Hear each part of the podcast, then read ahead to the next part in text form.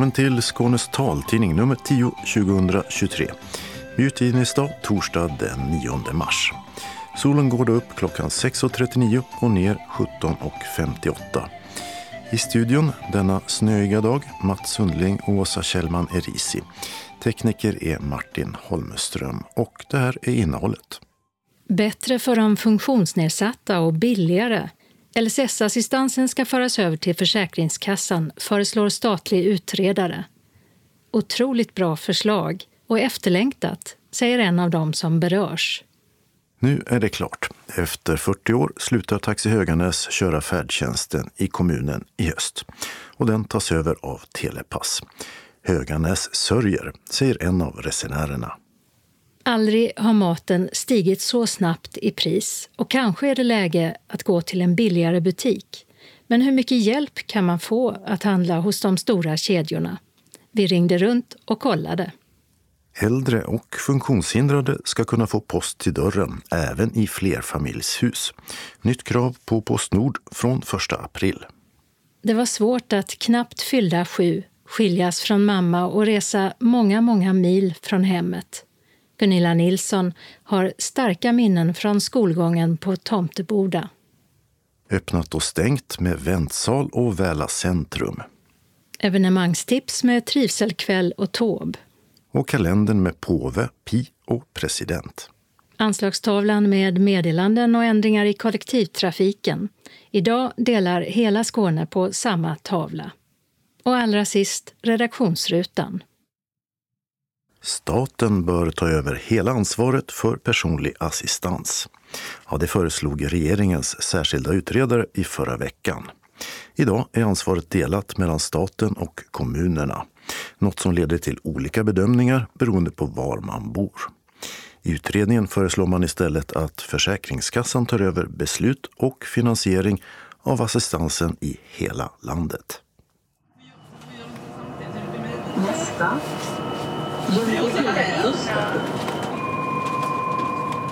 Tåget susar fram genom ett frostnupet Skåne. Jag ska träffa Anders Axelsson som bor i Ljungbyhed. Anders var bara tio år när han 1972 drabbades av en allvarlig hjärnskada och i princip blev helt blind. Sedan dess har han haft behov av assistans för att klara vardagen. Vi träffas hemma i villan i Ljungbyhed. Anders sitter i sin rullstol och vi dricker kaffe. Han skojar friskt och säger att han är glad över att det nu ligger ett förslag på bordet som föreslår att staten genom Försäkringskassan tar över ansvaret för personlig assistans. Det här är ett mycket klokt förslag, säger Anders. Det handlar om rättvisa. Jag tycker att det är ett otroligt bra förslag. Det är så efterlängtat. När lagen om personlig assistans infördes 1994 var det mycket välkommet. Innan hade Anders inte själv haft möjlighet att välja vad assistansen skulle användas till och inte heller vem som skulle utföra den. Lagen var helt enkelt en möjlighet att få makten över sitt eget liv. Det var enormt betydelsefullt, säger Anders. Det var en gigantisk frihet revolution för mig och andra också har och hade stora assistansbehov. Innan assistansen så var jag beroende av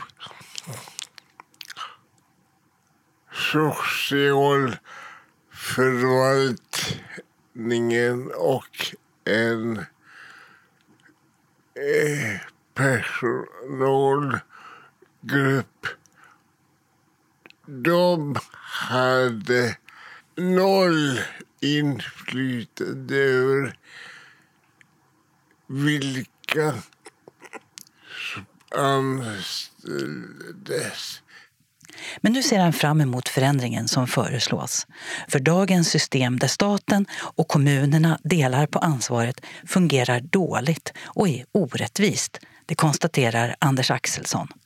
Det gör också Lars Löv som lett regeringens utredning. Det blir en bättre enhetlighet och en, en bättre tydlighet och det kommer att förbättra både förutsägbarheten och Eh, rättssäkerheten i besluten om, om personlig assistans.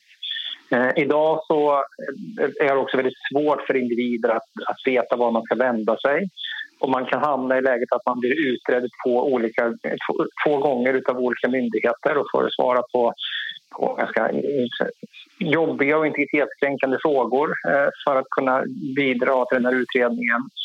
Ehm, och eh, dessutom så, så kan det, beroende på var man bor i landet, se olika ut för vad som blir resultatet av de här utredningarna. Utredaren konstaterar att ett statligt huvudmannaskap är tänkt att öka kvaliteten på beslutsfattandet och samtidigt säkerställa att alla som ansöker om assistans behandlas lika. Idag har Försäkringskassan och kommunerna nämligen olika gränser för när de beviljar personlig assistans. För att Försäkringskassan ska bevilja assistans krävs att en person har det som kallas grundläggande behov. Det vill säga att en person behöver assistans mer än 20 timmar varje vecka i form av hjälp med måltider, påklädning och andra vardagsbestyr. Den 20-timmarsgränsen bör tas bort, skriver utredaren. Och den särskilda utredaren Lars Löv konstaterar också att ett statligt huvudmannaskap dessutom blir billigare än dagens delade. Med det delade huvudmannaskapet idag så, så innehåller det en massa administration. Både när det gäller hur, hur finansieringen ser ut men också i ett, ett separat sjukförsäkringssystem för personliga assistenter. Som, som kan vi ta bort dem så blir hela systemet billigare. Vi, vi räknar med att det blir totalt 140 miljoner kronor billigare. Så vad är det konkret som ni föreslår då? Från, vi föreslår att från den 1 januari 2026 så ska alla nya beslut om personlig assistans fattas av eh, staten genom Försäkringskassan. Eh, och det ska göras genom en, att, att vi har en, en ny grund för kvalifikation eller en nedre gräns för, för den personliga assistansen som, som bygger på den gräns som, eh, som kommunerna använder idag. Vi utgår från den lagstiftning som finns och med det så kommer Försäkringskassan att, att fatta alla beslut om eh, personlig assistans från 2026. Dessutom så kommer 5 000 personer, ungefär 5 000 personer som idag har kommunal personlig assistans att föras över från eh, kommunala beslut till statliga beslut då, utan en, en särskild prövning utan de ska föras över in i det statliga systemet utan att deras rätt omprövas. Men finns det inte risker med att man centraliserar och lägger allt under statlig hatt? Jo, det finns, det finns nackdelar med det också. Så en nackdel med det är att, att eh, det blir ett längre avstånd mellan den som fattar besluten och, och de som, de som eh, besluten berör. Men det är klart att det finns fördelar och nackdelar med, med, med alla varianterna. Du, ni nämner här att, eh, att det ska finnas ett större, bli ett större skydd mot utnyttjande av systemet. Eh, vad, menar, vad menar ni med det?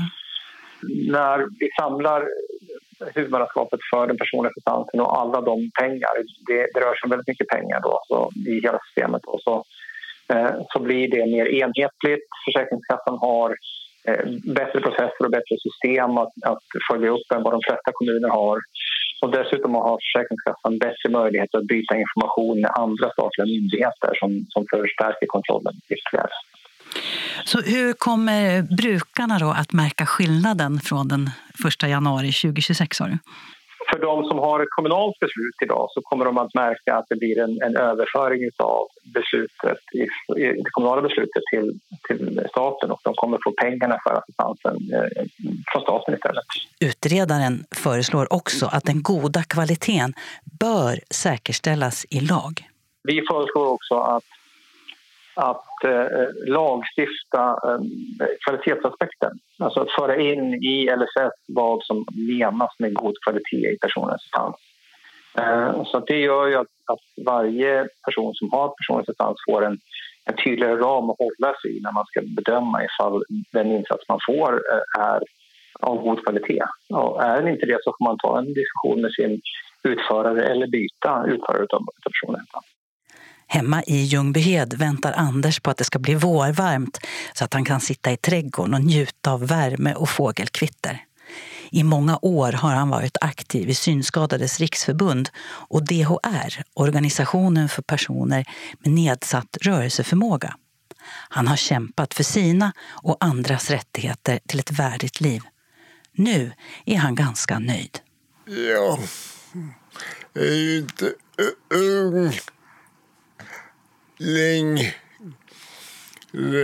Så jag tycker det är skönt och bekvämt att äntligen ha kämpat till och fått en, ja, en, ett, ett boende och ett liv som utifrån mina förutsättningar trots allt är ganska bra. Sist hörde vi Anders Axelsson och reporter var Agneta Nordin. Färdtjänsten i Höganäs ska från den 1 oktober köras av ett nytt bolag. Och Taxi Höganäs förlorar uppdraget de haft i över 40 år. Det står klart efter att Telepass i våras vann kommunens upphandling som Taxi Höganäs sen överklagade till två instanser och förlorade. Någon överklagan till Högsta förvaltningsdomstolen kom aldrig och nu är saken klar. Det säger Höganäs kommunchef Herman Crespin. Ja, processen är klar. Rättsprocessen. Alltså. Nu ska Telepass ta över färdtjänsten från och med 1 oktober. Och där pågår diskussioner med Telepass om hur det övertagandet ska se ut. Och för vår del så handlar det om att säkerställa att eh, det ska ske på ett bra sätt för alla resenärerna. Så det, det är där vi är just nu. Taxi Höganäs har ju kört färdtjänsten i över 40 år och vad vi har hört så har alla, både resenärer och kommunen, varit nöjda, eller till och med väldigt nöjda med hur de har skött sig. Mm, så är det. Vi har ju varit väldigt nöjda, eh, både vi och resenärer. Men samtidigt så är det så att vi kan inte välja bort att upphandla. Det är ett måste, så att säga. Och alla vet att i en upphandling så kan man få vilket utfall som helst, alltså utifrån de kriterierna som vi har satt. Eh, och i det här fallet var det inte Taxi Höganäs som vann upphandlingen och det beror inte på att vi inte vill fortsätta samarbeta med Taxi Höganäs utan det beror på att någon annan, i det här fallet Telepass, lämnade in ett bättre anbud som också uppfyller de kriterierna som vi har satt. Ja, för nytillkomna lyssnare, vad var det som gjorde att Telepass vann? De hade helt enkelt ett bättre beskrivning alltså på den tjänsten som vi upphandlade. Eh, på vilket sätt de eh, skulle utföra den. Eh, vilken teknik som de eh, skulle erbjuda och möjligheterna för eh, färdtjänstresenärerna att boka sin resa och så vidare.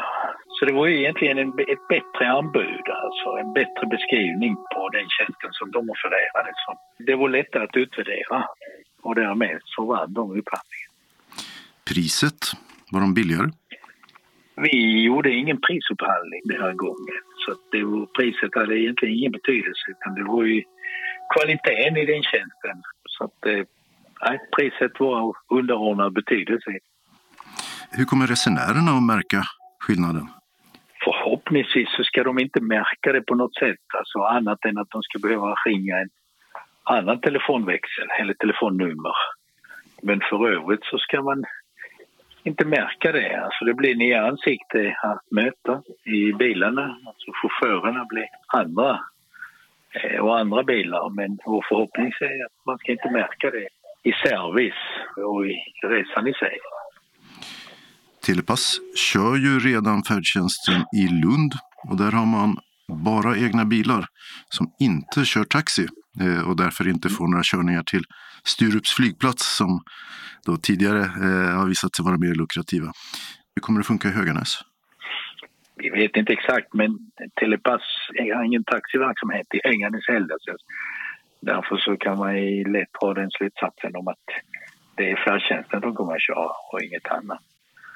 Sen så kommer vi givetvis att följa upp detta väldigt noga från kommunens sida. Alltså det finns inget annat intresse från vår sida än att det ska funka för alla resenärer även i fortsättningen. Och vi är givetvis angelägna om att få in alla synpunkter så att vi sen kan ta upp det med telepass. Men vår förhoppning och ambition är att det ska, det ska flytta på bra. En av dem som reser med Taxi Höganäs idag och färdtjänst i Viken i Höganäs kommun är SRF Västra Skånes ordförande Hans Olin. Eh, ja, vad tänker du om beskedet att Taxi Höganäs slutar köra färdtjänsten och Telepass tar över? Det var ju tråkigt. Jag hade hoppats i det sista på att de kanske skulle kunna stanna kvar. Men eh, så är det och Höganäs sörjer är jag övertygad om. Precis som väldigt många färdtjänstavnämare. Ja, Taxi Höganäs har ju kört i 40 år. Vad är det som är den stora fördelen med dem?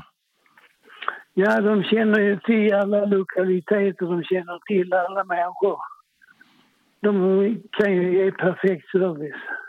Vad som är nackdelen nu kan tänkas att taxi på sikt kanske försvinner. Och det har man inte tänkt på i kommunen, vilket ju är stor skada. Ja, det är det lokala taxibolaget och de brukar ju vara beroende av inkomsterna från färdtjänst. Precis. Ett halvår kvar nu drygt med Taxi Höganäs. Den 1 oktober tar Telepass över. Vad tror du om det? Ja, de får ju naturligtvis få en chans och visa att de är så bra som de har skrivit i sitt anbud. Och så hoppas jag att Taxi Höganäs kan hålla kvar sin rörelse i sån omfattning så att taxi också fungerar och inte bara färdtjänsten i Telepass regi. de har, har lagt ett nytt anbud på, på en annan del av färdtjänsten och vi hoppas att de får den så att det kan hjälpa dem att få tillräcklig volym för att få lönsamhet på sin business. Mm. Ja, vad kunde ha gjorts annorlunda, eller borde ha gjorts annorlunda, tycker du? Det hade, borde ha gjorts annorlunda att växeln kommer inte finnas i Höganäs. Och anbudet borde vara villkorat att bolaget skulle driva taxi till en viss volym också så tror jag att det kanske hade blivit bättre. Ja, Telepass kör ju bara färdtjänst och har ingen taxiverksamhet. I Lund Nej. tyckte man att det var en fördel, för då körde inte taxichaufförerna iväg på andra mer lönsamma uppdrag. Men du tänker ja. lite tvärtom där? Ja, det gör jag. Här har aldrig Höganäs Taxi visat sådana tendenser, utan man har varit glad för kunderna och servat dem det bästa de har kunnat oavsett vilken form på, på transporten. Det måste jag säga. Och det var väldigt bra. Det sa Hans Olin, ordförande för SRF Västra Skåne och alltså boende i Viken i Höganäs kommun. Reporter var Mats Sundling. Det är dyrtider nu. Priset på en genomsnittlig matkasse har ökat med nästan en femtedel och i februari steg priserna rekordmycket enligt oberoende Matpriskollen. Och då blir det kanske extra viktigt att kunna välja vilken butik man handlar i och att ha möjlighet att jämföra priser. Hur ser det då ut hos de olika livsmedelskedjorna? Kan man som synskadad få hjälp med att handla om man kommer till butiken? Eller är man tvungen att ha någon sene med sig för att kunna göra sina inköp och hitta varor till bästa pris? Skånes taltidning gjorde en rundringning till några olika mataffärer i Skåne. Och det första samtalet gick till Citygross i Hässleholm där butikschefen Marcus Pegmo fick frågan om butiken hjälper synskadade kunder att handla om de önskar det. Eh, jag har faktiskt inte fått frågan innan men eh, det är en jättebra eh, fråga och vi tänker så här att om vi vet om det innan så ska vi kunna hjälpa till med det. Och om det är någon som vill handla hos er och som är synskadad så kan den personen ringa och fråga eller bestämma en tid och komma till er sen. Ja, så ska vi kunna lösa det. Vet du om eh, det är en policy för de andra Citygross-butikerna att också kunna hjälpa till med detta? Eller om ni har pratat om det liksom inom hela koncernen? Eh, nej, vad, vad, jag vet så har faktiskt aldrig eh, frågan eh, varit uppe så jag blev lite ställd när jag fick den. Men jag tycker att det kanske är något som vi behöver eh, lyfta internt hos oss, hur vi kan hjälpa till bättre med detta kanske.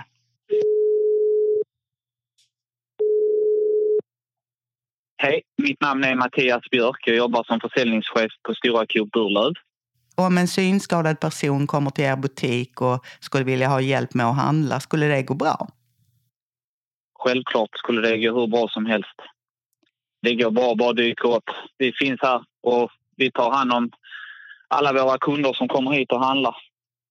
Så man kan få hjälp med att till exempel om man skulle veckohandla, det, det är inte bara om det är att man inte hittar en specifik vara eller så? Nej, absolut. Vi finns här för alla våra kunder så att behöver man hjälp så finns vi här och hjälper till. Vart ska man gå? Antingen går man direkt till kassan när man kommer in och hojtar till eller så tar man alltså så fall någon i personalen. Så hjälper vi till. Men det absolut lättaste är ju om du kommer och går i vår butik till kassapersonalen så kan de sen ringa i så fall till någon annan i personalen som kan komma och hjälpa till. Även på Hemköp Söderpunkten i Helsingborg erbjuds kunder med synnedsättning vid behov hjälp att handla. Men det bästa är om man kan komma innan eftermiddagsrusningen, säger butikschefen Magnus Wiström. Eh, självklart kommer vi hjälpa till och eh, självklart är det också liksom i mån av tid. Men om det är så att man kommer mellan till exempel 8 till 14 på dagarna eh, så är vi alltid gott om personal i butiken som har möjlighet att eh, kunna hjälpa till och assistera vid köp. Vet du om det här är en policy som alla Hemköpsbutiker har eller är det liksom från affär till affär? Eh, jag hoppas ju att det här är något som alla Hemköp eh, ställer upp på men tyvärr så kan jag inte riktigt svara utan det är nog lite från butik till butik och självklart lite beroende på hur stor butiken är, liksom hur, hur mycket tid man har och när under öppettiden som personen i fråga kommer som behöver hjälp. Men jag skulle vilja säga att självklart så hjälper nog de flesta till i den mån de kan. Jag hjälpte en kund eh, senast eh, igår och då passade jag även på att ställa frågan faktiskt just hur personen i fråga upplevde vår butik ur ett synskadat eh, perspektiv. Bara, bara för att se liksom om, om det var lätt att navigera sig fram och sånt. Och det upplevde han faktiskt att det var, även om vi ibland kan tycka att det står lite mycket grejer i vägen. Men han, han upplevde det, så länge han fick använda sin käpp så var det inga problem.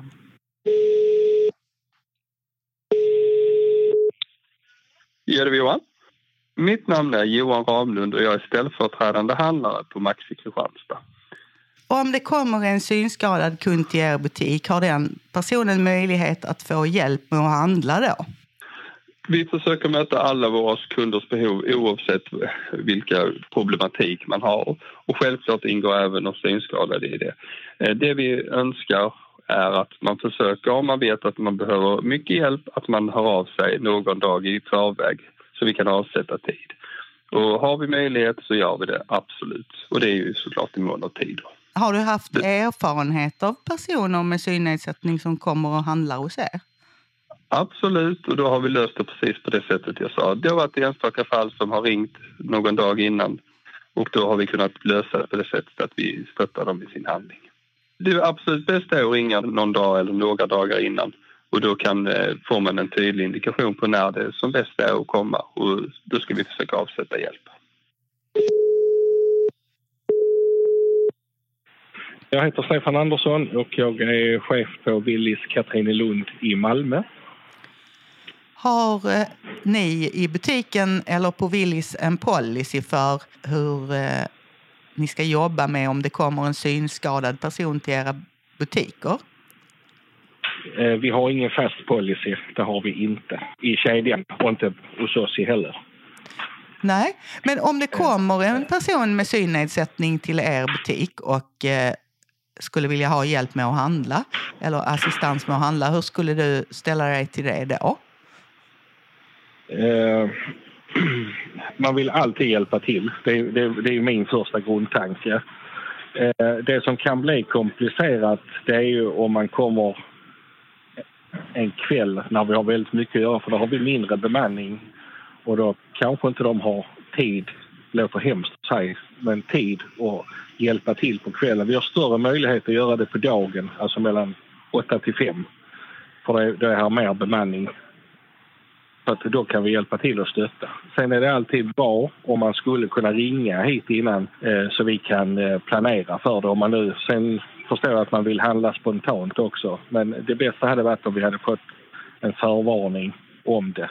Och då, då skulle jag kunna avdela något speciellt till det eller planera för det också.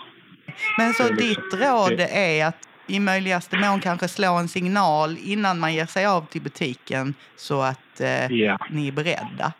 Ja, så att vi har hjälp. För har man otur så är det en dag när vi har många sjuka eller något sånt och då har vi inte den tiden att hjälpa till tyvärr. Det kan ju lätt bli en dålig upplevelse om man kommer hit och inte får hjälpen utan då är det bättre att vi tillsammans gör det att man förvarnar att alltså, nu kommer jag eller vi- vet att var måndag kommer den personen eller var tisdag eller vad det nu än är. När jag var chef i Lund för åtta år sedan då hade vi två stycken som vi hjälpte där ju. Och i, ibland så kände jag ju själv att det kunde bli lite... Det blev inte bra kundupplevelse när vi, när vi inte hade den tiden eller möjligheten. Vi hjälpte alltid till va? men det, vi kände väl lite att det kunde bli lite forcerat på något sätt. Alltså, så att vi vill ju att det ska vara bra för alla. Du har den erfarenheten av att ha haft kunder Ja. med synnedsättning Ja. i din butik där du har jobbat. Ja, i min förra butik jag hade. Så det här har jag inte haft i Malmö. Men eh, allting går att lösa. Men bara vi, vi hjälps åt så gör vi detta bra tillsammans. På lågpriskedjan Lidl går det inte att ringa till en enskild butik utan jag blir hänvisad till presschefen Nahir Aslan på Lidl Sveriges huvudkontor. Eh, vår butikspersonal är naturligtvis behjälplig i mån av tid med att eh, hjälpa till att handla enstaka varor eh, eh, för den som behöver det. Men man kan inte komma till butiken och räkna med att få hjälp att gå runt och handla och kolla på extrapriser. Och... Nej, utan i mån av tid så är är vår butikspersonal naturligtvis väldigt behjälpliga med det. Men det är ingenting som vi kan garantera.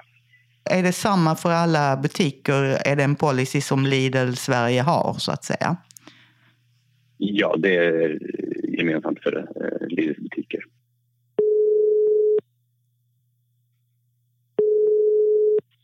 Extra hör dig, Marcus. Jag heter Marcus Mortensson och jag är butikschef här på Extra Hör.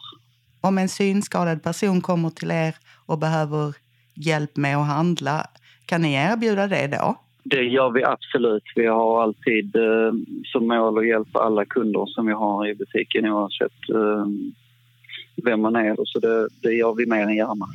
Det är bara att dyka upp så hjälper vi er.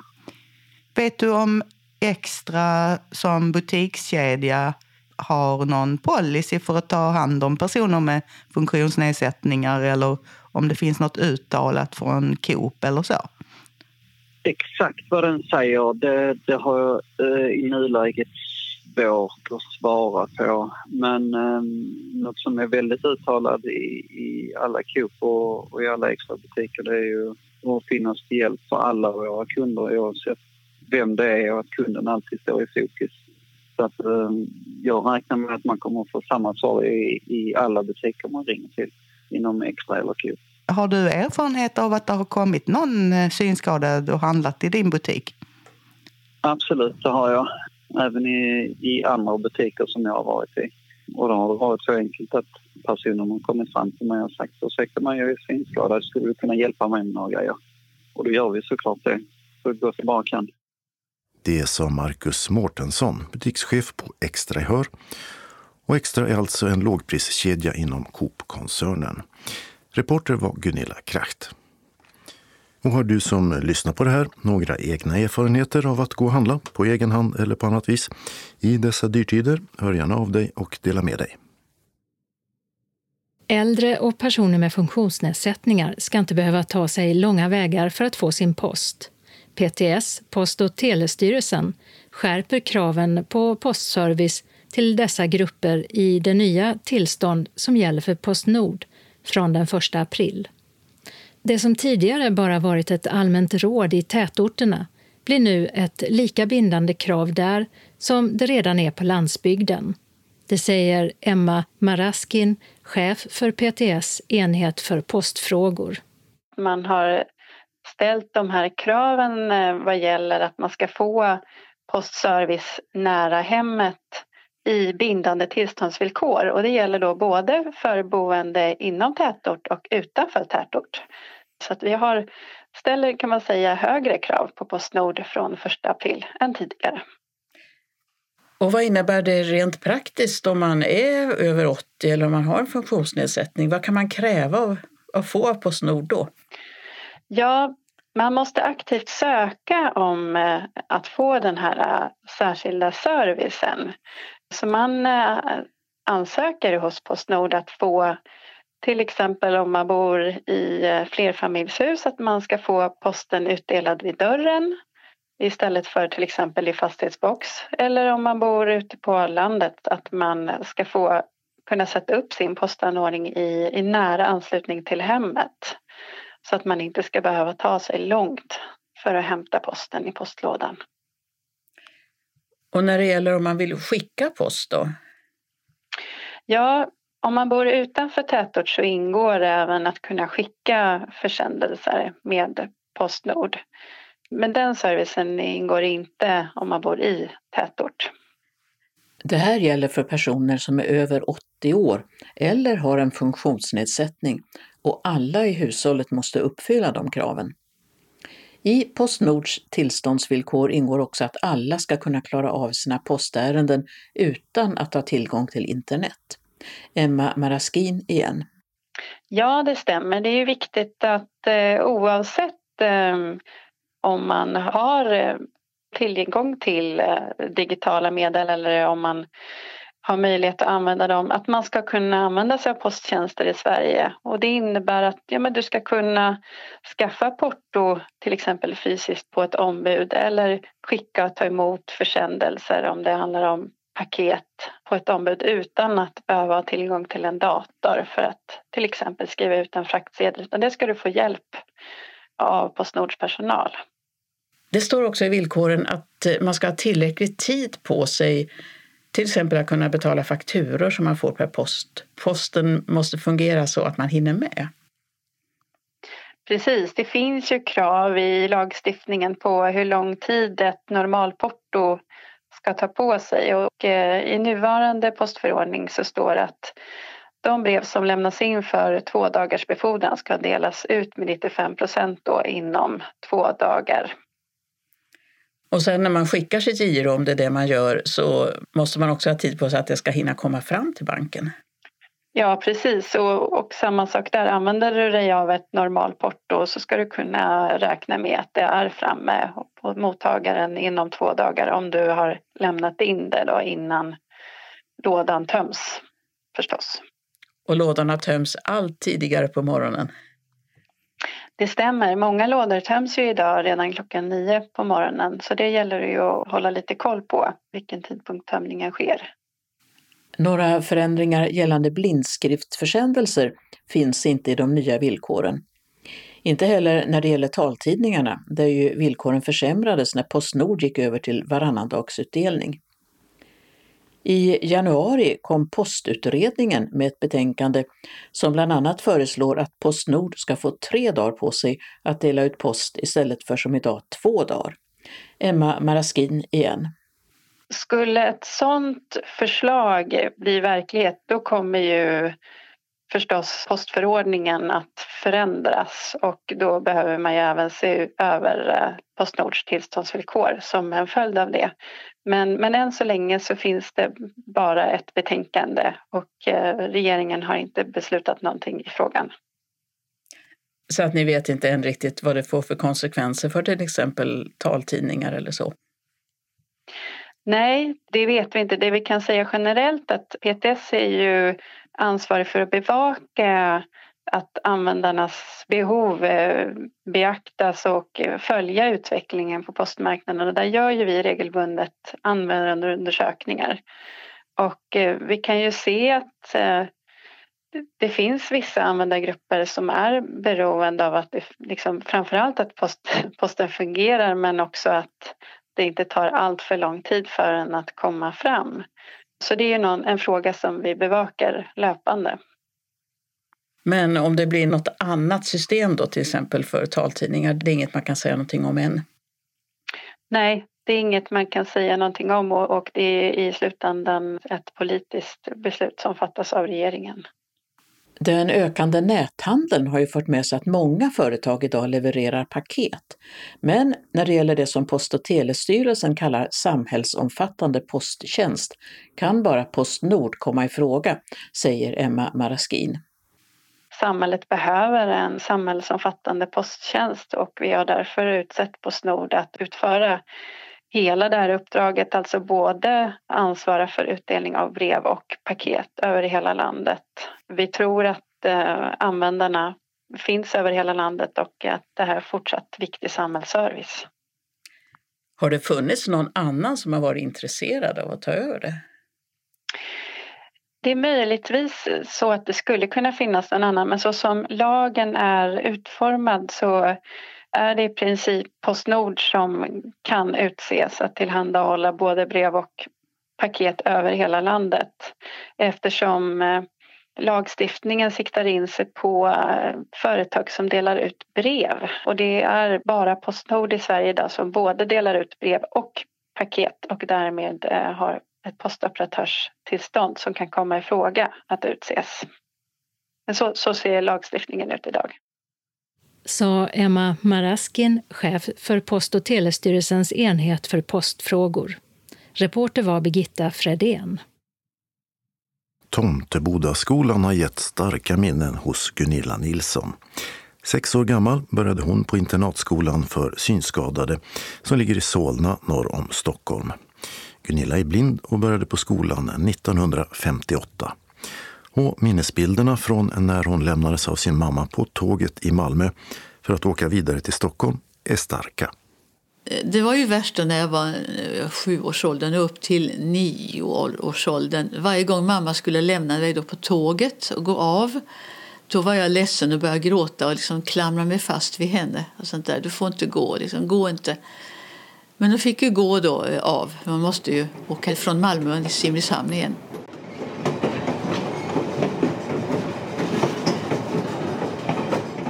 Och när jag satt och grät på tåget så var det då en tidningspojke. Han var 14 år då och jag var 7.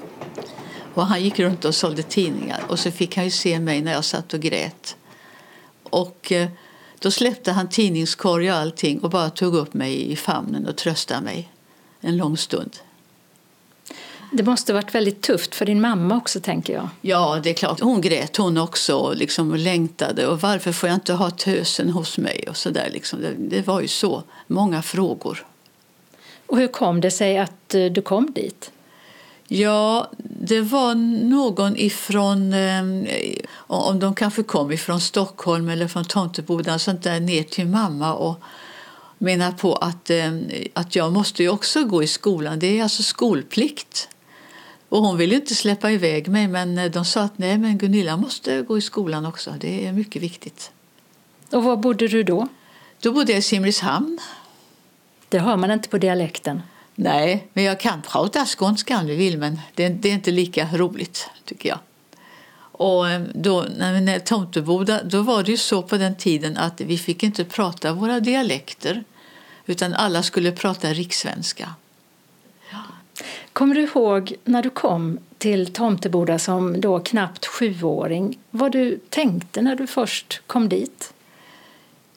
Först och främst var jag ju eh, väldigt ledsen då för att eh, jag då kom så långt ifrån mamma och hennes trygga famn.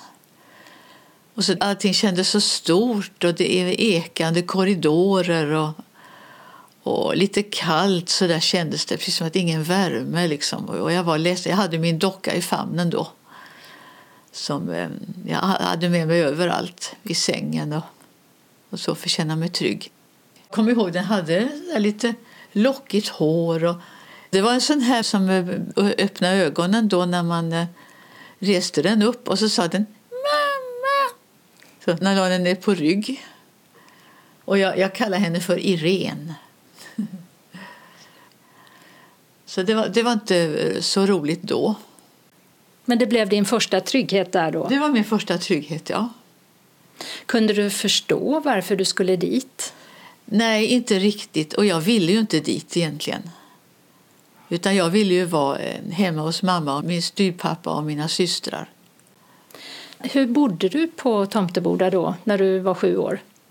Tomteboda det bestod då av eh, förskolan, var det, det ena huset. Och där var man till man var, var från sju år och ända till tredje klass. Då var man nio, tio sådär. Och sen flyttade man över till institutet. Och där bodde man ju också som internat så att säga. Men när du var sju, bodde du i en sovsal eller hur såg ja, det ut? Det, liksom? det var sovsal, jag vet inte hur många, vi, vi var rätt många. Alltså det var såna järnsängar med tagelmadrass och då lakan och filt och sånt där. Och stor sal som man låg i allihopa. Och så var det då tvättrum med toaletter. Alltså, vi skulle vara tysta då klockan om det var nio eller tio på kvällarna. Du fick inte springa liksom i korridoren och, och sånt där, och, utan det skulle vara tyst. Har du funderat på vad det har satt för spår i dig efteråt? Ja, det har inte satt så mycket spår tycker jag för att um, det gick över så småningom. Sen då, särskilt då när jag kom upp till institutet där det var liksom lite mindre rum och sånt där och inte så, eh, så sterilt liksom som eh, förskolan. I och med att man blev lite äldre då så ja, då hade man ju kompisar som man eh, träffade och gladdes åt att man fick träffa igen efter sommarlovet till exempel. Så att eh, det gick över så småningom det där. Hur var undervisningen? Lärde du dig mycket? Ja, vi, vi hade ju geografi och kristendom då och eh, modersmål då, alltså svenska och där vi då fick eh, skriva lite uppsatser ibland och sånt där och stavning och, och, och så. Det hade jag väldigt lätt för. Fick jag ju, som det då var, AB i betyg då, i stavning till exempel. Och då var det på punkt? Ja, jag lärde mig punktskrift. Då var jag nu också sju års åldern.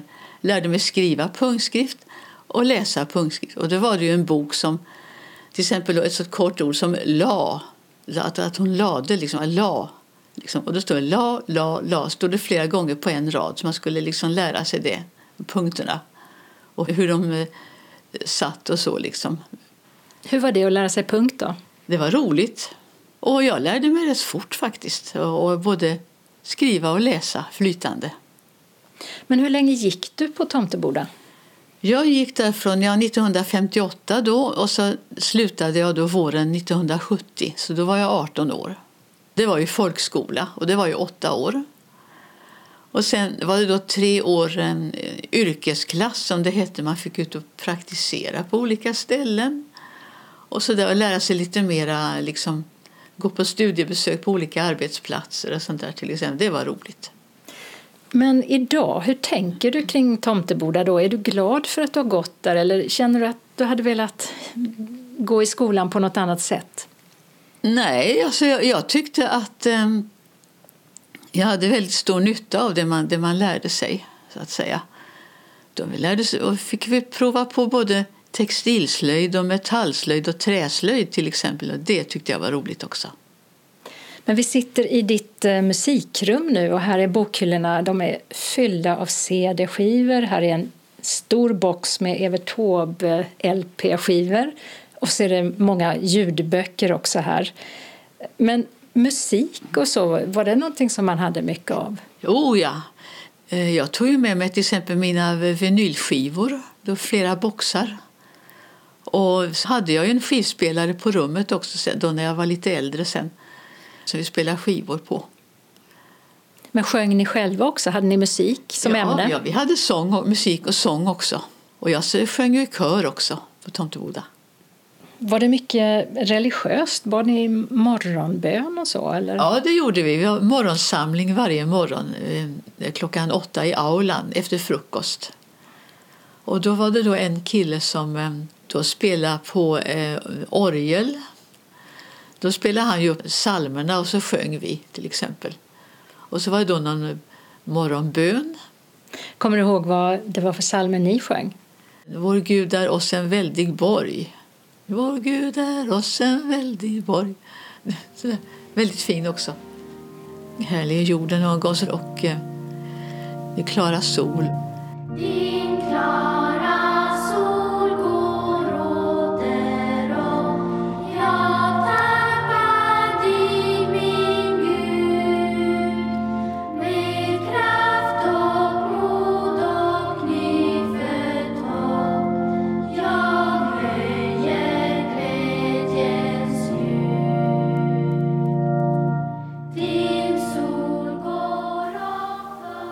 jag tyckte om många, flera av lärarna faktiskt.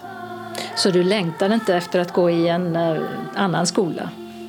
Nej, det var ju liksom inte tal om det utan eh, och jag ville ju gå ut liksom till och, eh, och sen fortsätta. Sen gick jag i folkhögskola i Önnestad utanför Kristianstad sedan. Efter Tomteboda. Och det var skillnad för det var det bara jag ensam blind bland ett hundratal seende. Blev det tuffare då? Ja, då blev det tuffare faktiskt. Kom då katten, Sixten. Jag hörde något ifrån, inifrån badrummet. Gunilla Nilsson hon bor sedan drygt 30 år tillbaka i en lägenhet i Malmö Kom till matte. tillsammans med sina två katter Sixten och Sören som när det kommer in en reporter i lägenheten bestämt sig för att gömma sig under badkaret. Och när jag frågar henne om hon har någon minnessak eller annat från Tomtebodatiden för kring 50 år sedan kvar så är det bara en sak hon kommer på. Märkesskölden för olika simmärken som till exempel Simborgarmärket som hon tog under skoltiden där. Men som hon inte riktigt vet vart den tagit vägen efter alla år. Däremot är det som hon bevarat i sitt minne och kommer ihåg från den speciella skoltiden på Tomteboda desto mer. Vi bodde på flickavdelningen då på institutet. Och det var det då tanter eller vårdarinnor som vi hade liksom kontakt med varje dag. och sånt där. Som om flera var snälla, men det var någon som jag inte tyckte om, som jag var lite rädd för till exempel. Men eh, just den här doften av grönsåpa, de tvättar golven och så, och ibland någon ljudet av någon dammsugare. Så här som att de liksom höll på och, och städa och ja, att, att det alltid var fint och rent på rummen också. Fick ni själva några sysslor som ni skulle göra när du bodde där? Speciellt då när jag bodde på institutet. Det- Det var det lite mindre rum. Det var vi en fyra, fem stycken som låg där mot en 10-12 kanske på en stor sovsal. Och då fick vi liksom upp det. Vi skulle skaka mattan då vid, vid vår säng varje dag. Då ut genom fönstret så att säga, skaka den då.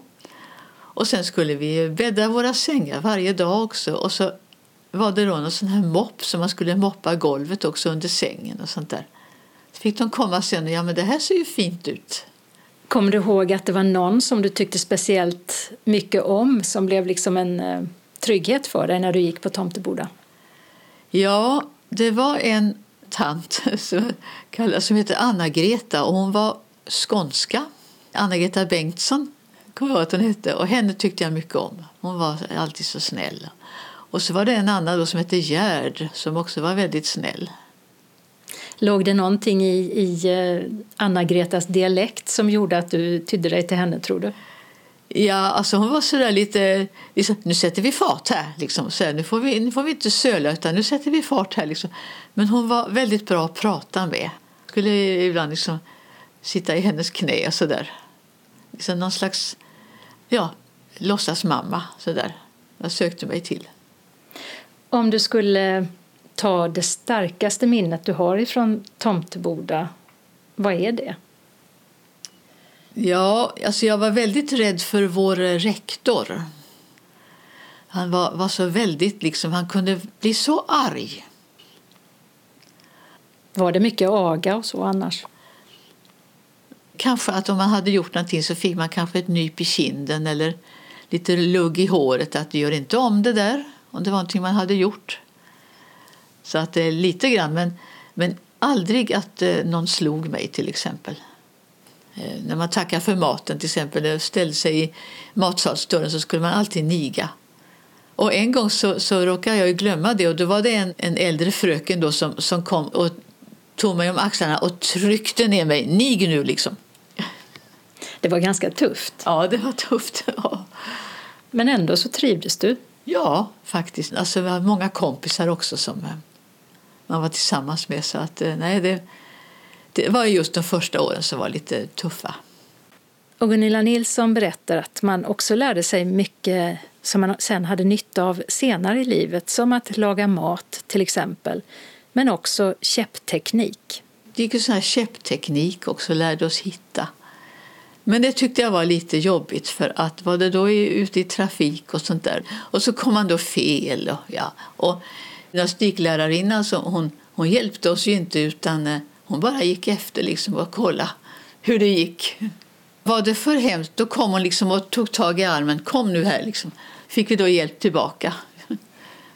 Men hon var lite sträng. En gång så frågade hon mig om det var någonting jag ville fråga om innan vi skulle gå då. Och då sa jag Ja, jag är lite osäker på... Det finns inget som heter osäker. Adjö. Det där hade jag besked. Det jag kände lite instängdhet det var att- att man aldrig fick umgås med seende kompisar. Utan det var bara vi då som var blinda som var innanför den här grinden då liksom. Det upplevde jag väl lite jobbigt kanske. Att det hade varit roligt någon gång att träffa andra också utanför. Men om du skulle säga så någonting du har fått med dig från Tomteboda, vet du vad det skulle vara liksom?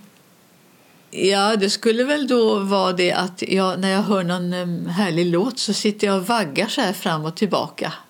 För det, det gjorde jag ju där också, när vi satt i vårt spisarum så att säga. Vi hade ett rum där vi hade grammofon och vi tog med oss våra skivor. Så samlades man då ett gäng och spelade dem. Och då satt man ju vaggad då till musiken.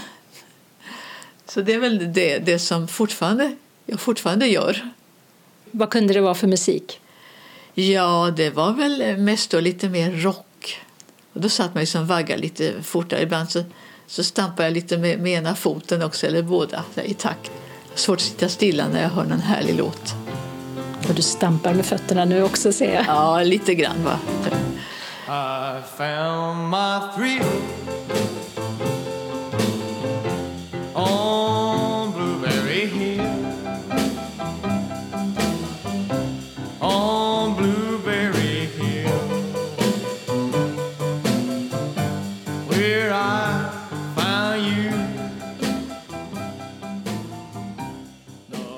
Det sa Gunilla Nilsson som också arbetat i drygt 40 år på Skånes taltidning innan hon gick i pension.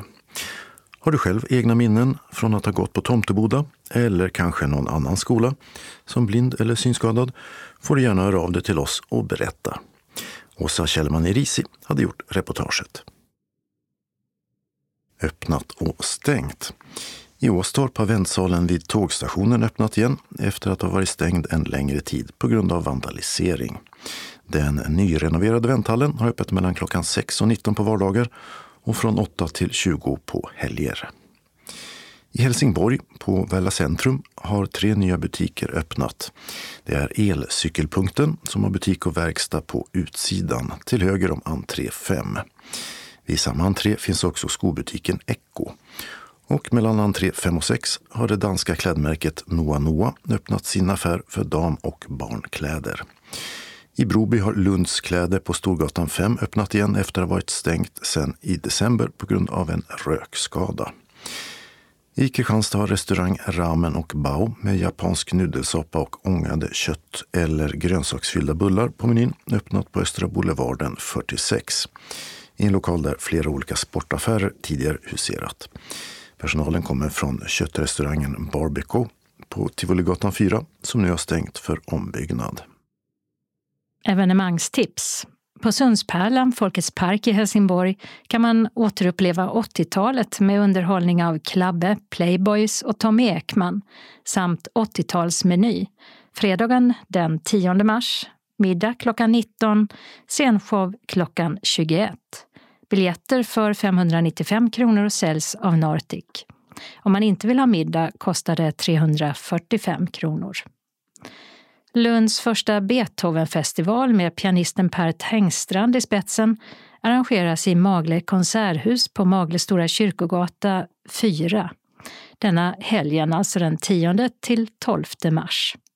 Totalt blir det fyra konserter och Biletto säljer biljetter för 180 kronor, 240 för den avslutande Kejsarkonserten samt festivalpass för 650 kronor. Trelleborg Comedy Club med komiker från hela Sverige börjar den 10 mars klockan 19.30 på Stadsbiblioteket och har sedan ytterligare två datum inplanerade den 14 april och den 12 maj. Det är också open mic under kvällen där vem som helst kan testa att köra stand-up. Barn under 16 år ska vara i målsmans sällskap. Till dessa arrangemang krävs föranmälan till bibliotek trelleborg.se. Till samtal på Dunkers i Dunkers kulturhus i Helsingborg lördagen den 11 mars klockan 14 kommer författaren och journalisten Mian Lodalen. Hon är aktuell med historisk romansvit om samkönad kärlek i Stockholm under 1900-talet. Samtalsledare är Dunkers verksamhetschef Gunilla Leverens. Biljetter säljs av Ticketmaster och kostar 230 kronor eller 170 kronor med kulturkortet. Medlemmar i föreningen Norden betalar 150 kronor. Evert Taube hyllas på sin födelsedag lördagen den 11 mars på Ängelholms bibliotek då dragspelsensemblen Ängladraget spelar Taube-musik mellan klockan 12 och 13. Det är fri entré. Gioacchino Rossinis körverk Liten högtidlig mässa framförs i Johanneskyrkan i Malmö söndagen den 12 mars klockan 17 till 18.30 av Malmö Operakör ackompanjerad av piano och orgel. Biljetter kostar 150 kronor, 75 för studerande. 13 till 17 mars arrangeras Digitala veckan på Simrishamns bibliotek med föreläsningar och kurser. Allt gratis. Måndagen den 13 klockan 14 visar Skånetrafiken hur deras app fungerar. Onsdagen den 15 klockan 17.30 handlar det om hur man agerar säkert på nätet och undviker bedragare. Till dessa programpunkter krävs föranmälan till biblioteket. Däremot är det drop-in för den som vill testa bibliotekets virtual reality-set måndagen den 13 från klockan 17.30. Gärds härads hembygdsförening inbjuder till trivselkväll i hembygdsparken i Degeberga tisdagen den 14 mars klockan 19 till 21. Författaren och tv-kändisen Ingmarie Inka Johansson föreläser om trädgård och odling. Kaffe och hembakat ingår i entréavgiften 100 kronor som betalas på plats, kontant eller med Swish. Ståuppkomikern Lenny Norman kommer till Lunds stadsteater tisdagen den 14 mars klockan 19.30 med sin show Gubbvarning 2.0. En gubbes funderingar kring den tid vi lever i. Ticketmaster och Visit Lund säljer biljetter för 435 kronor. Hanna Hansdotter från Östra Grevie dömdes till döden 1756. Men var hon en häxa?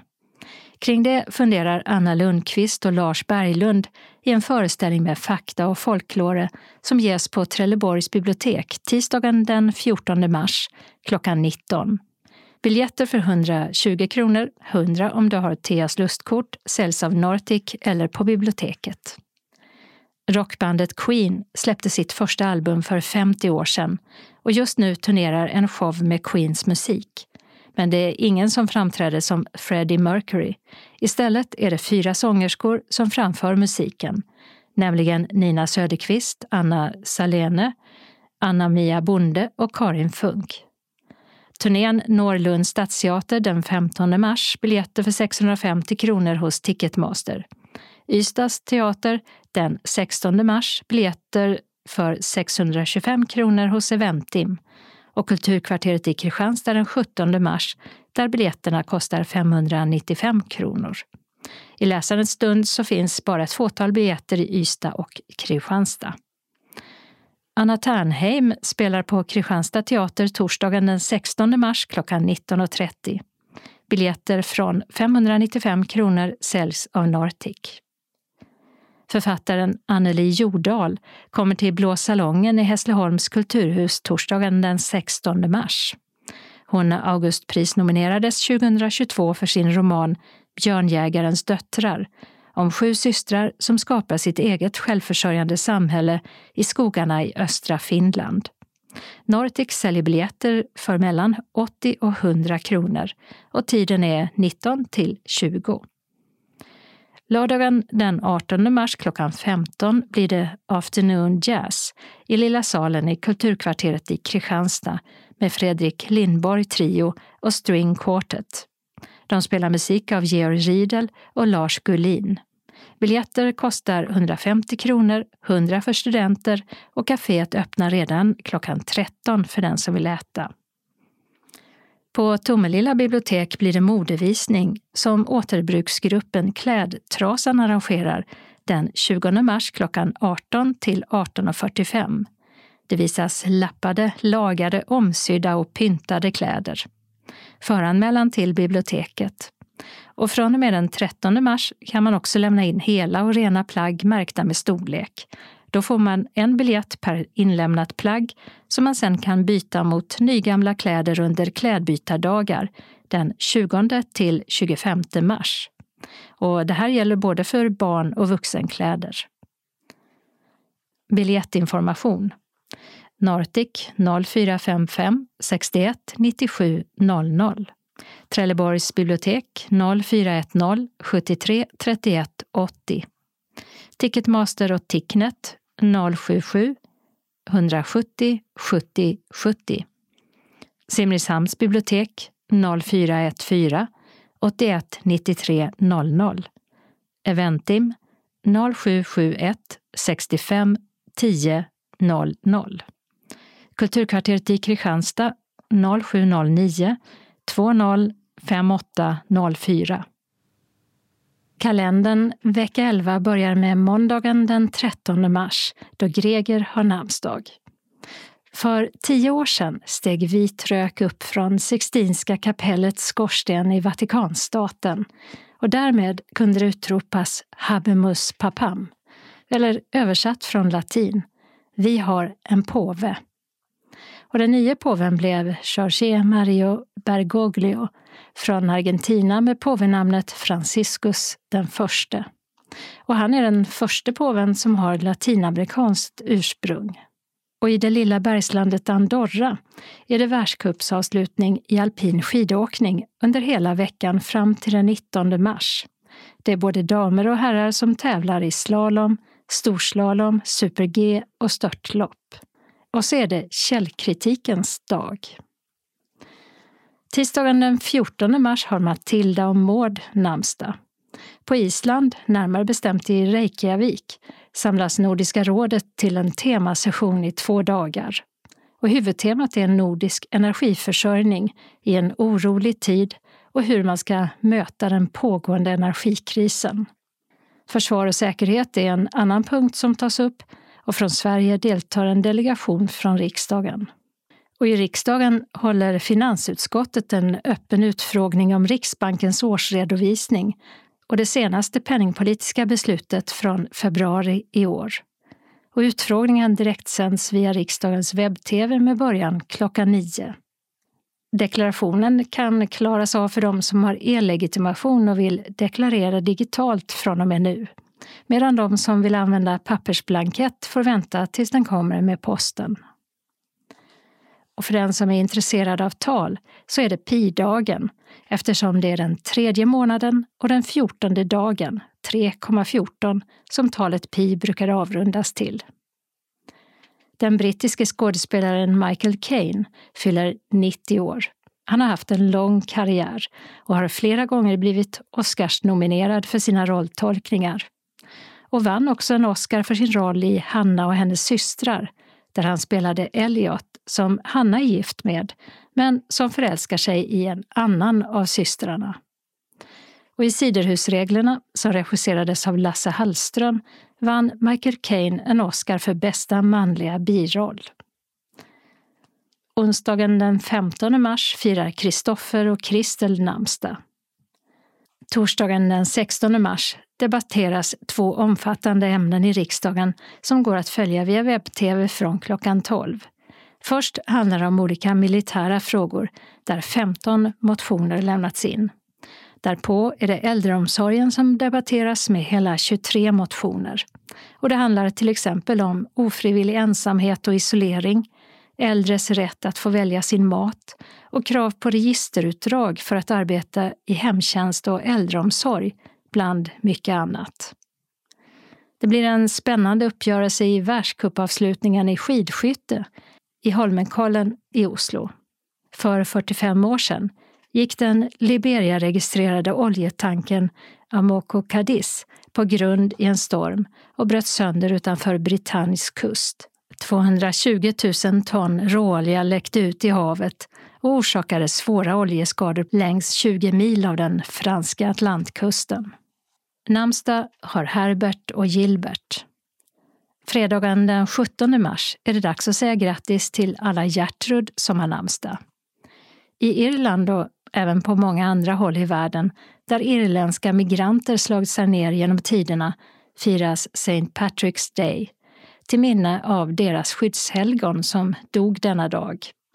Och det är även Irlands nationaldag. Många klär sig grönt och det finns även gröna bakverk med mera som man kan äta om man vill fira. Och i Sverige är det kollektivavtalets dag för att hylla och synliggöra den svenska modellen. Lördagen den 18 mars har Edvard och Edmund namnsdag. I Sandviken börjar VM i curling för damer och håller på fram till den 26 mars. 13 lag, däribland det svenska lag Hasselborg, gör upp om medaljerna. Söndagen den 19 mars är det Josef och Josefina som har namnsdag. I Montenegro är det presidentval och Kazakstans president Kasim Jomart Tokajev meddelade i januari i år att parlamentet upplösts och att det denna dag ska hållas nyval i Kazakstan. Beskedet ses som ett led i presidentens utlovade reformer och skapande av ett nytt Kazakstan, skriver tidningarnas telegrambyrå TT. Formel 1-säsongen är igång och fortsätter till Saudiarabien och Jeddah, där det andra loppet körs.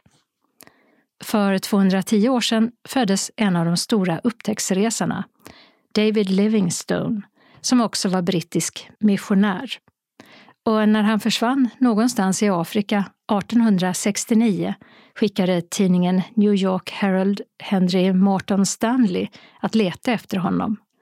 Två år senare hittade Stanley honom och de bevingade orden Dr Livingstone, I presume, yttrades.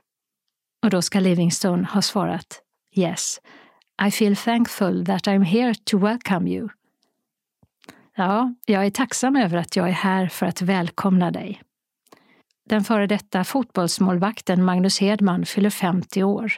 Han var med och tog det bejublade VM-bronset 1994. Den regionala delen av anslagstavlan har idag bara ett meddelande. Och det är att SRF Malmö Svedala bjuder in till syntolkad teater och föreställningen Kebaben på skäret på Intiman i Malmö. Och medlemmar från andra delar av Skåne är också välkomna. Föreningen har förbokat ett begränsat antal biljetter. Och föreställningen är torsdag den 27 april, samling klockan 18.15 på Intiman på Östra Rönneholmsvägen 22 i Malmö. Priset är 270 kronor och betalning sker till bankgiro 192-9645 eller med swish till 123 077 80 50 senast den 31 mars. Skriv teater och namnet på deltagaren vid betalningen. Och biljetterna delas ut på plats. Handlingen Snabbmat, drömmar och osande osämja. Kungsskärets kebab är ett populärt snabbmatsställe i ett nybyggt område vid vattnet. Ett ställe att slinka in på där alla känner alla och har koll på om du ska ha stark eller mild sås. Men snart lockar den där hemtrevliga känslan folk från både när och fjärran. De boende börjar klaga. Är det verkligen så bra att ha ett kebabställe i ett fräscht nybyggt område? Blir det inte för mycket matos? Tro det eller ej så bygger den här historien på en verklig händelse där kebaben står i centrum. Föreställningen börjar klockan 19 och varar inklusive paus 2 timmar och 30 minuter. Obs! Följande gäller endast för medlemmar utanför Malmö. Reseersättning utgår som vanligt från SRF Skåne för resor utanför Malmö när kvittot har skickats in inom tre månader efteråt. Anmäl dig till kansliet på telefon 040-25 05 40 eller mejla till info srfmalmo.se senast fredag den 17 mars klockan 12. Vid anmälan berätta om du behöver lur och eller ledsagning och också om du har behov av en inbetalningsavi. Om det finns frågor om föreställningen eller du behöver komma i kontakt med någon så kan du ringa Maj-Britt Ryman på telefon 070-324 6609. Hjärtligt välkomna önskar styrelsen.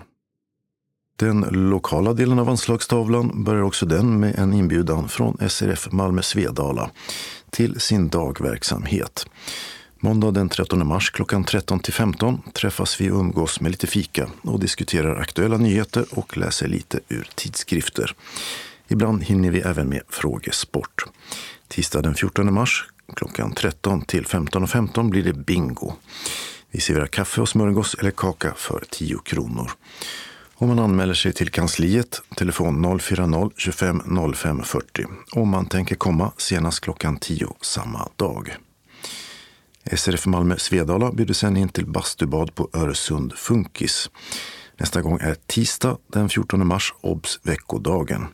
Då badar vi bastu tillsammans och de som är modiga nog tar ett dopp. Anmäl dig till kansliet senast klockan 12 samma dag. Och du kan ringa Maj-Britt om du fått förhinder eller har frågor. Välkomna hälsar styrelsen. SRF Malmö Svedala bjuder också in till söndagsquiz. Söndag 26 mars klockan 13 är det dags för lite hjärngympa. Det blir en quiz i form av tipsfrågor och som vanligt kommer vi att använda tryckbubblor och kryssrutor för att ange svaren. Efter frågorna serverar vi kaffe och smörgås och naturligtvis blir det en prisutdelning också. För allt detta betalar medlemmar i föreningen 40 kronor per person, kontant på plats eller med swish. Och de som inte är medlemmar betalar 60 kronor per person. Anmäl er till kansliet 040-25 05 40 eller e-post till info srfmalmo.se senast måndag den 20 mars och glöm inte att meddela allergi eller särskild kost vid anmälan. Har du frågor eller behöver avboka när kansliet inte är öppet så ringer du till Rolf på telefon 070-547 97 29. Och färdtjänst hem kan beställas till klockan 15.30. Välkommen önskar styrelsen. Och SRF Malmö Svedala hälsar till sist också välkommen till en tjejträff torsdag den 30 mars. Tina från Seniorshoppen är tillbaka för att visa och berätta om våren och sommarens mode. Du kan handla kläderna kontant med kort eller inbetalningskort och du kan prova kläderna i lugn och ro. Vi kommer att ha visning av kläder i två omgångar. Första gruppen kommer klockan 16 och den andra gruppen klockan 18 då vi alla äter tillsammans innan andra gruppen tittar på kläderna. Vi serverar räkbakelse till en kostnad av 100 kronor och drycker är till självkostnadspris. Om man har allergier eller särskild kost meddelar man det vid anmälan. Och du betalar kontant på plats eller med swish. Vill du ha en trevlig kväll så anmäl dig till kansliet senast torsdag den 23 mars. Hjärtligt välkomna hälsar styrelsen. SRF Västra Skåne bjuder in till onsdagsträffen den 22 mars klockan 13 till 15.30 i SRF-lokalen på Vaktgatan 3 i Helsingborg. Äntligen dags för bingo. Brickorna kostar 10 kronor styck och fikat 30 kronor. Om du inte står på den fasta listan och vill ha fika så anmäler du dig till kansliet 042 15 83 93 eller e-posta srfvastraskane srf.nu. Om du står på den fasta listan behöver du bara meddela om du inte kan komma. Välkommen! SRF Västra Skåne bjuder också in till onsdagsträffen med Marias timme den 29 mars klockan 13 till 15.30 i SRF-lokalen i Helsingborg. Fikat kostar då också 30 kronor. Och Maria ska prata om någonting intressant. Vill du komma måste du anmäla dig senast tisdag den 28 mars klockan 12 till kansliet. Välkommen! Vi avrundar med några tillfälliga ändringar i kollektivtrafiken, en del av de större. Och vi börjar med tågen. I helgen stoppar ett rälsarbete alla tåg mellan Svågertorp och Trelleborg från natt mot lördag den 11 mars klockan 1.45 till söndag den 12 mars klockan 17.45. Och bussar ersätter direkt och via mellanstationerna. Pågatågen mellan Malmö och Ystad stannar inte på Triangeln och Hyllie från klockan 21 på lördag till klockan 6 på söndag morgon. I Kävlinge ska det banarbetas från 12 mars klockan 22 till klockan 5 på söndag morgon. Och Pågatågen stannar då inte i Lomma, Furulund och Kävlinge. Bussar ersätter mellan Malmö och Teckomatorp eller mellan Malmö och Åstorp via mellanstationerna. Och från måndag natt gör bygget av dubbelspår mellan Maria och Ängelholm att mycket tågtrafik påverkas ända till midnatt den 6 april. Öresundstågen mellan Malmö och Halmstad och Göteborg kör på en annan bana och stannar inte i Landskrona och Helsingborg, men gör istället extra uppehåll i Kävlinge, Teckomatorp, Svalöv, Kågeröd, Billesholm och Åstorp. De flesta Öresundståg som har start eller slutstation i Helsingborg kör som vanligt via Landskrona. Pågatågen mellan Helsingborg och Förslöv och Halmstad är inställda. Och bussar ersätter mellan Helsingborg och Ängelholm, direkt alltså. Och mellan Helsingborg, Förslöv och Båstad via Pågatågens mellanstationer. Medan extrainsatta Pågatåg som ansluter till Öresundstågen i Kävlinge kör sträckan Kävlinge-Landskrona-Ramlösa-Helsingborg i båda riktningar. Och fler underhållsarbeten i västra Skåne gör att ett antal tåg i nästa vecka är inställda eller ersatta av bussar, men här har vi inte detaljerna. Som alltid har Skånetrafikens kundservice telefon 0771 77 77 77. Bussarna så. I Bjuv fortsätter ett långvarigt arbete på Södra Storgatan som regionbuss 250 och 251 brukar köra på. Och från den här veckan är inte bara hållplatsen Gruvgatan stängd med hänvisning till Bjuv station utan också hållplatsen Varagården. Den senare ersätts fram till den 2 juni klockan 16 av tillfälliga stolpar. Läge A av en 120 meter framåt på Stora Södergatan och läge B av en 50 meter bakåt i bussens färdriktning. I Malmö har ett arbete på Hans Michelsensgatan nära Malmö C försenats än en gång och regionbuss 150s hållplats Orkanen ska nu vara stängd till den sista mars klockan 15. Och till dess ersätts läge A mot Klågerup av Anna Linds plats läge B. Och orkanen läge B mot Vellinge till av Anna Linds plats A. Bägge ersättarna ligger på Neptunegatan drygt 300 meter åt sydost. I Malmö startade i veckan ett arbete på Linnégatan som stängt busstrafiken i östlig riktning. Alltså in mot centrum fram till den 19 mars klockan 4. Och stadsbuss 4, 9 och 34 får ta en annan väg och flera hållplatser är stängda. Limhamn centrum läge B, C och D ersätts av en tillfällig hållplats på Kalkbrottsgatan, drygt 200 meter åt nordväst. Och samma stolpe ersätter också den stängda Linnéskolan, läge B, samt Västanväg B. Stängd är också Rosenvång B och här ersätter den nya hållplatsen Packhusgatan som ligger en kilometer åt nordväst på Limhamnsvägen. Och Bellevue, läge B, ersätts av den nya hållplatsen Geijersgatan, läge B, på Limhamnsvägen cirka 850 meter åt nordväst. Slutligen är också Hyllie kyrkoväg, läge C stängd och ersatt av en tillfällig på Kalkbrottsgatan 100 meter åt nordväst. Och med de beskeden var det slut på veckans Skånes taltidning. Ett nytt nummer kommer nästa torsdag den 16 mars. Skånes taltidning ges ut av Region Skånes psykiatri och habiliteringsförvaltning.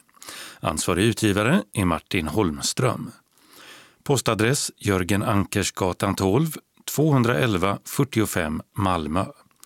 Telefon 040-673 0970.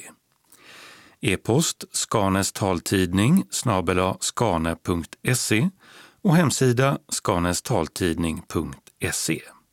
Vi hörs igen. Hej då!